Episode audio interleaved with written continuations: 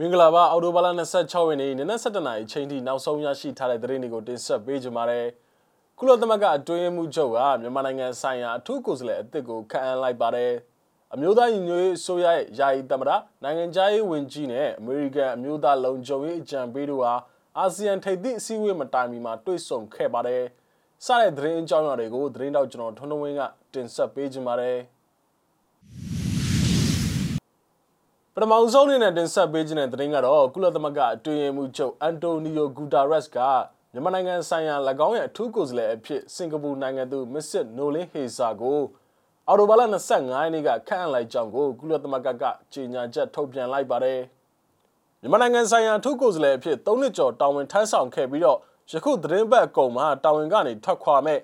မစ္စစ်ခရစ်စတင်ရှာယနာဘဂျီနာနေရာမှာကုလအစစ်မြင့်တန်တမန်ဟောင်းတူဖြစ်တဲ့ ဒေါက်တာဟေဆာကဆက်ခံသွားမှာဖြစ်ပါတယ်။အသက်83နှစ်အရွယ်ရှိတဲ့ဒေါက်တာဟေဆာကကုလမှာအမျိုးမျိုးသောအကြီးတန်းယာရုနေရာများကိုတာဝန်ထမ်းဆောင်ထားခဲ့ပူးပြီးတော့အထူးသဖြင့်2009ခုနှစ်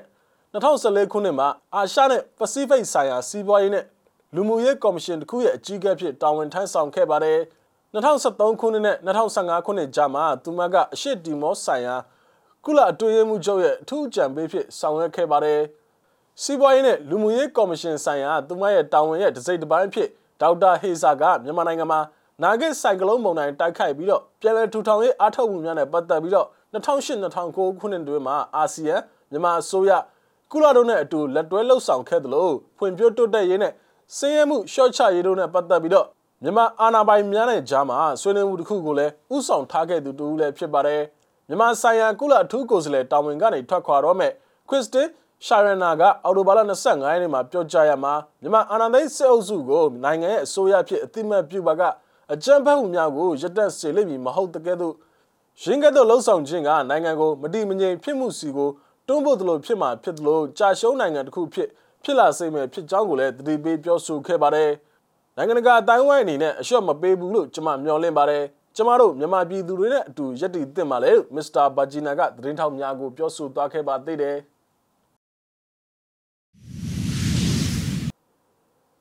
ဆက်လက်ပြီးတင်ဆက်ပေးခြင်းတဲ့သတင်းကတော့အမျိုးသားညီညွတ်ရေးအစိုးရယာယီသမ္မတနိုင်ငံခြားရေးဝန်ကြီးနဲ့အမေရိကန်အမျိုးသားလုံခြုံရေးအကြံပေးတို့ဟာအာဆီယံထိပ်သီးအစည်းအဝေးမတိုင်မီမှာတွေ့ဆုံဆွေးနွေးခဲ့ကြောင်းကိုအမျိုးသားညီညွတ်ရေးအစိုးရကသတင်းထုတ်ပြန်လိုက်ပါတယ်။တနအီကြာအွန်လိုင်းမှာတွေ့ဆုံမှုမှာအာဆီယံသဘောတူညီချက်၅ချက်အပါအဝင်အကြမ်းဖက်စစ်ကောင်စီရဲ့တာဝန်ယူမှုတာဝန်ခံမှုနဲ့ပတ်သက်ပြီးထိရောက်စွာဆောင်ရွက်နိုင်ရေးနဲ့မြန်မာနိုင်ငံ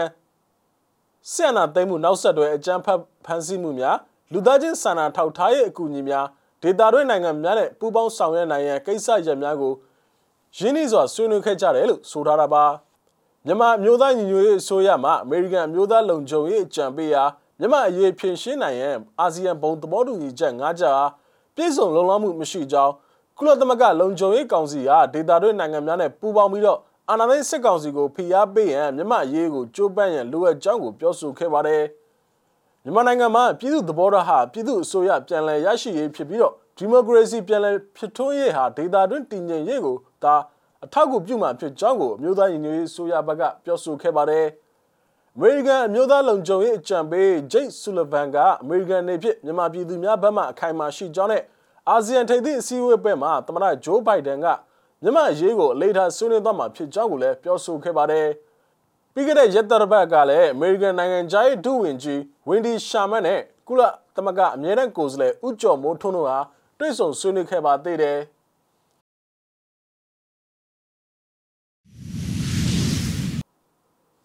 နောက်ထပ်တင်ဆက်ပေးခြင်းတဲ့သတင်းကတော့ကိုဂျင်မီပါဝင်မတရားဖမ်းဆီးခံထားရသူများကိုအမြန်ဆုံးပြန်လည်လှုပ်ပေးရန်အမေရိကန်နဲ့ဗြိတိန်တန်ယုံများကသတင်းထုတ်ပြန်လိုက်ပါတယ်။ ဗြိတိန်တန်ရုံးရဲ့ထုတ်ပြန်ချက်မှာကိုဂျင်မီပါဝင်အခြားဖမ်းဆီးထိန်းသိမ်းခံရသူများဟာမြန်မာစစ်အာဏာရှင်ရဲ့လုပ်ရများကြောင့်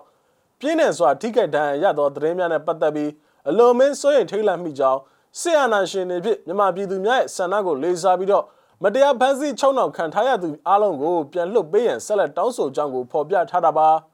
အမေရိကန်တန်ရုံးရဲ့ထုတ်ပြန်ချက်ထဲမှာတော့လုံခြုံရေးတပ်ဖွဲ့ဝင်များရဲ့ဆက်လက်ဖမ်းဆီးနေမှုများ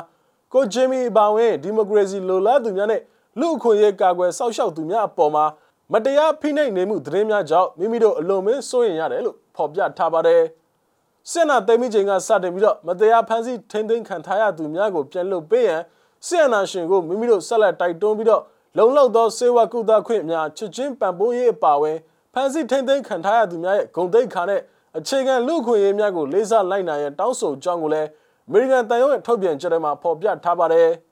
မြန်မာပြည်သူတို့လိုလားတောင်းတနေတဲ့ဒီမိုကရေစီစနစ်ကိုနောက်ပြန်လှည့်စေရန်ဖိနှိပ်နိုင်ရန်အလို့ငါအကြမ်းဖက်မှုကိုဆက်လက်အသုံးချနေခြင်းအတွက်ဆီယနာရှင်တွေဖြစ်တာဝန်ယူမှုတာဝန်ခံမှုရှိလာစေရန်ပြည်ထောင်စုကဂတိကရုပြုထားဆဲဖြစ်တယ်လို့ထုတ်ပြန်ချက်ထဲမှာဖော်ပြထားတာပါ။ထင်ရှားတဲ့နိုင်ငံရေးလှုပ်ရှားသူဖြစ်တဲ့ကိုဂျင်မီကအော်တိုဘာလ23ရက်နေ့ညပိုင်းချိန်ကမြောက်ဒဂုံမြို့နယ်မှာဖမ်းဆီးခံခဲ့ရပြီးတော့ ဒဏ်ရာများရရှိခဲ့ကကျမ်းမာရေးအတွက်စိုးရိမ်ရတဲ့အခြေအနေရှိတယ်လို့ဇနီးဖြစ်သူမနီလာသိန်းကသတင်းထုတ်ပြန်ထားပါသေးတယ်။ဆီယနာသိန်းစဖေဖော်ဝါရီလ၁ရက်နေ့မှာနိုင်ငံရေးတက်ကြွလှုပ်ရှားသူများဖြစ်ကြတဲ့ကိုမြရေးကိုမင်းသွတ်တစ်ဆိုင်းစရာမောင်တာချိုအစရှိသူများကိုကျမ်းဘက်စစ်ကောင်စီကဖမ်းဆီးခဲ့တာပါ။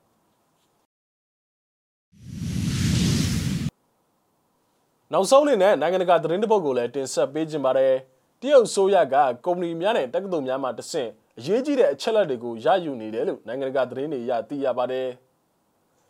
အမေရိကန်တာဝန်ရှိသူများကညရည်တုဇီဝနီးပညာနဲ့ကွမ်တန်တက်ချွတ်ခြင်းကဲ့သို့အဓိကထွန်းသစ်စနီးပညာများမှာတရုတ်ဖွဲ့စည်းများနဲ့အလုပ်လုပ်လုပ်ခြင်းရဲ့အနေများကိုကုမ္ပဏီများနဲ့တက္ကသိုလ်များကိုတတိပေးခဲ့ပါတယ်။အမေရိကန်တံပြန်ထောင်လိုင်းအရာရှိများကတရုတ်ဖွဲ့စည်းများနဲ့အလုပ်လုပ်ရမယ့်အနေများနဲ့ပတ်သက်ပြီးတော့ကုမ္ပဏီများအားသတိအကြီးကြီးထားရန်ပူပေါင်းတွန်းအားပေးမှုစတင်ခဲ့ကြောင်းကို The Washington Post မှ အမျိုးသားလုံခြုံရေးသတင်းထောက်အလန်နာဂါရှီမာကပြောဆိုခဲ့တာပါ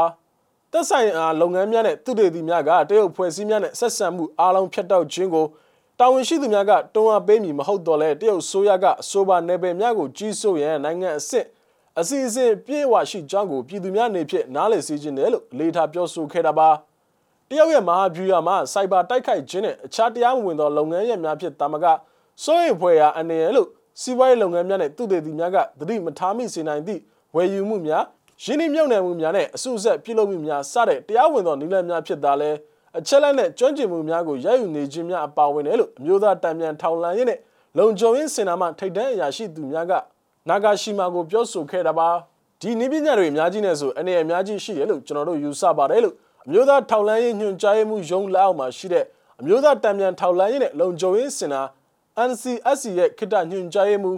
Mike Orlando ကပြောဆိုခဲ့တာပါဒီနယ်ပယ်မှာအသာစီးရမှုကိုဆုံးရှုံးသွားရင်ကမ္ဘာအင်အားကြီးနိုင်ငံဖြစ်ကနေရုတ်ရော့သွားနိုင်တယ်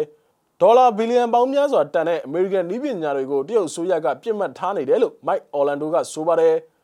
တရုတ်သမ္မတရှီကျင်းဖျင်အားတိုင်းပြည်နေဖြစ်ကိုကိုကိုအားကိုးနိုင်မှုကိုသေချာစေမဲ့တိုးတက်မှုများပြုလုပ်ရန်သိပ္ပံပညာရှင်များကိုအကြိမ်ကြိမ်တိုက်တွန်းခဲ့ပါတယ်အထူးသဖြင့်တရုတ်လှုပ်ရှားနေတဲ့အခြားနယ်ပယ်များမှာ တပိုင်လျက်ကူးပစ္စည်းများနဲ့ကိုပိုင်အုပ်ချုပ်ခွင့်ရှိတဲ့စနစ်များဖြစ်ကြောင်းတာဝန်ရှိသူများကအော်တိုဘာလ22ရက်နေ့ကသတင်းစာရှင်းလင်းပွဲမှာသတင်းထောက်များကိုပြောဆိုခဲ့တာပါတရုတ်နိုင်ငံကအနောက်ပိုင်းတပိုင်လက်ကူးပစ္စည်းကုမ္ပဏီများကိုဝယ်ယူရန်အသွင်ခွန်ဆိုင်ကြိုးပမ်းနေတယ်လို့လည်းအော်လန်ဒိုကပြောဆိုခဲ့ပါတယ်။တရုတ်ကယောဂကုထုံးမြတ်ကိုဖန်တီးရန်နဲ့လူများမှာမျိုးရိုးဗီဇဆိုင်ရာအနှဲ့ချက်များအားဖော်ထုတ်နိုင်သောဗီဇနီးပညာများကိုလည်းပြစ်မှတ်ထားနေကြောင်းနဲ့ထုံးသစ်စားနဲ့အဟံတားဖြစ်စေမဲ့နီးပညာများဆိုင်ရာ မျိုးသားတံပြန်ထောင်လိုင်းအရာရှိအရဝတ်ယူကာနာရှိမာကပြောဆိုခဲ့ပါတယ်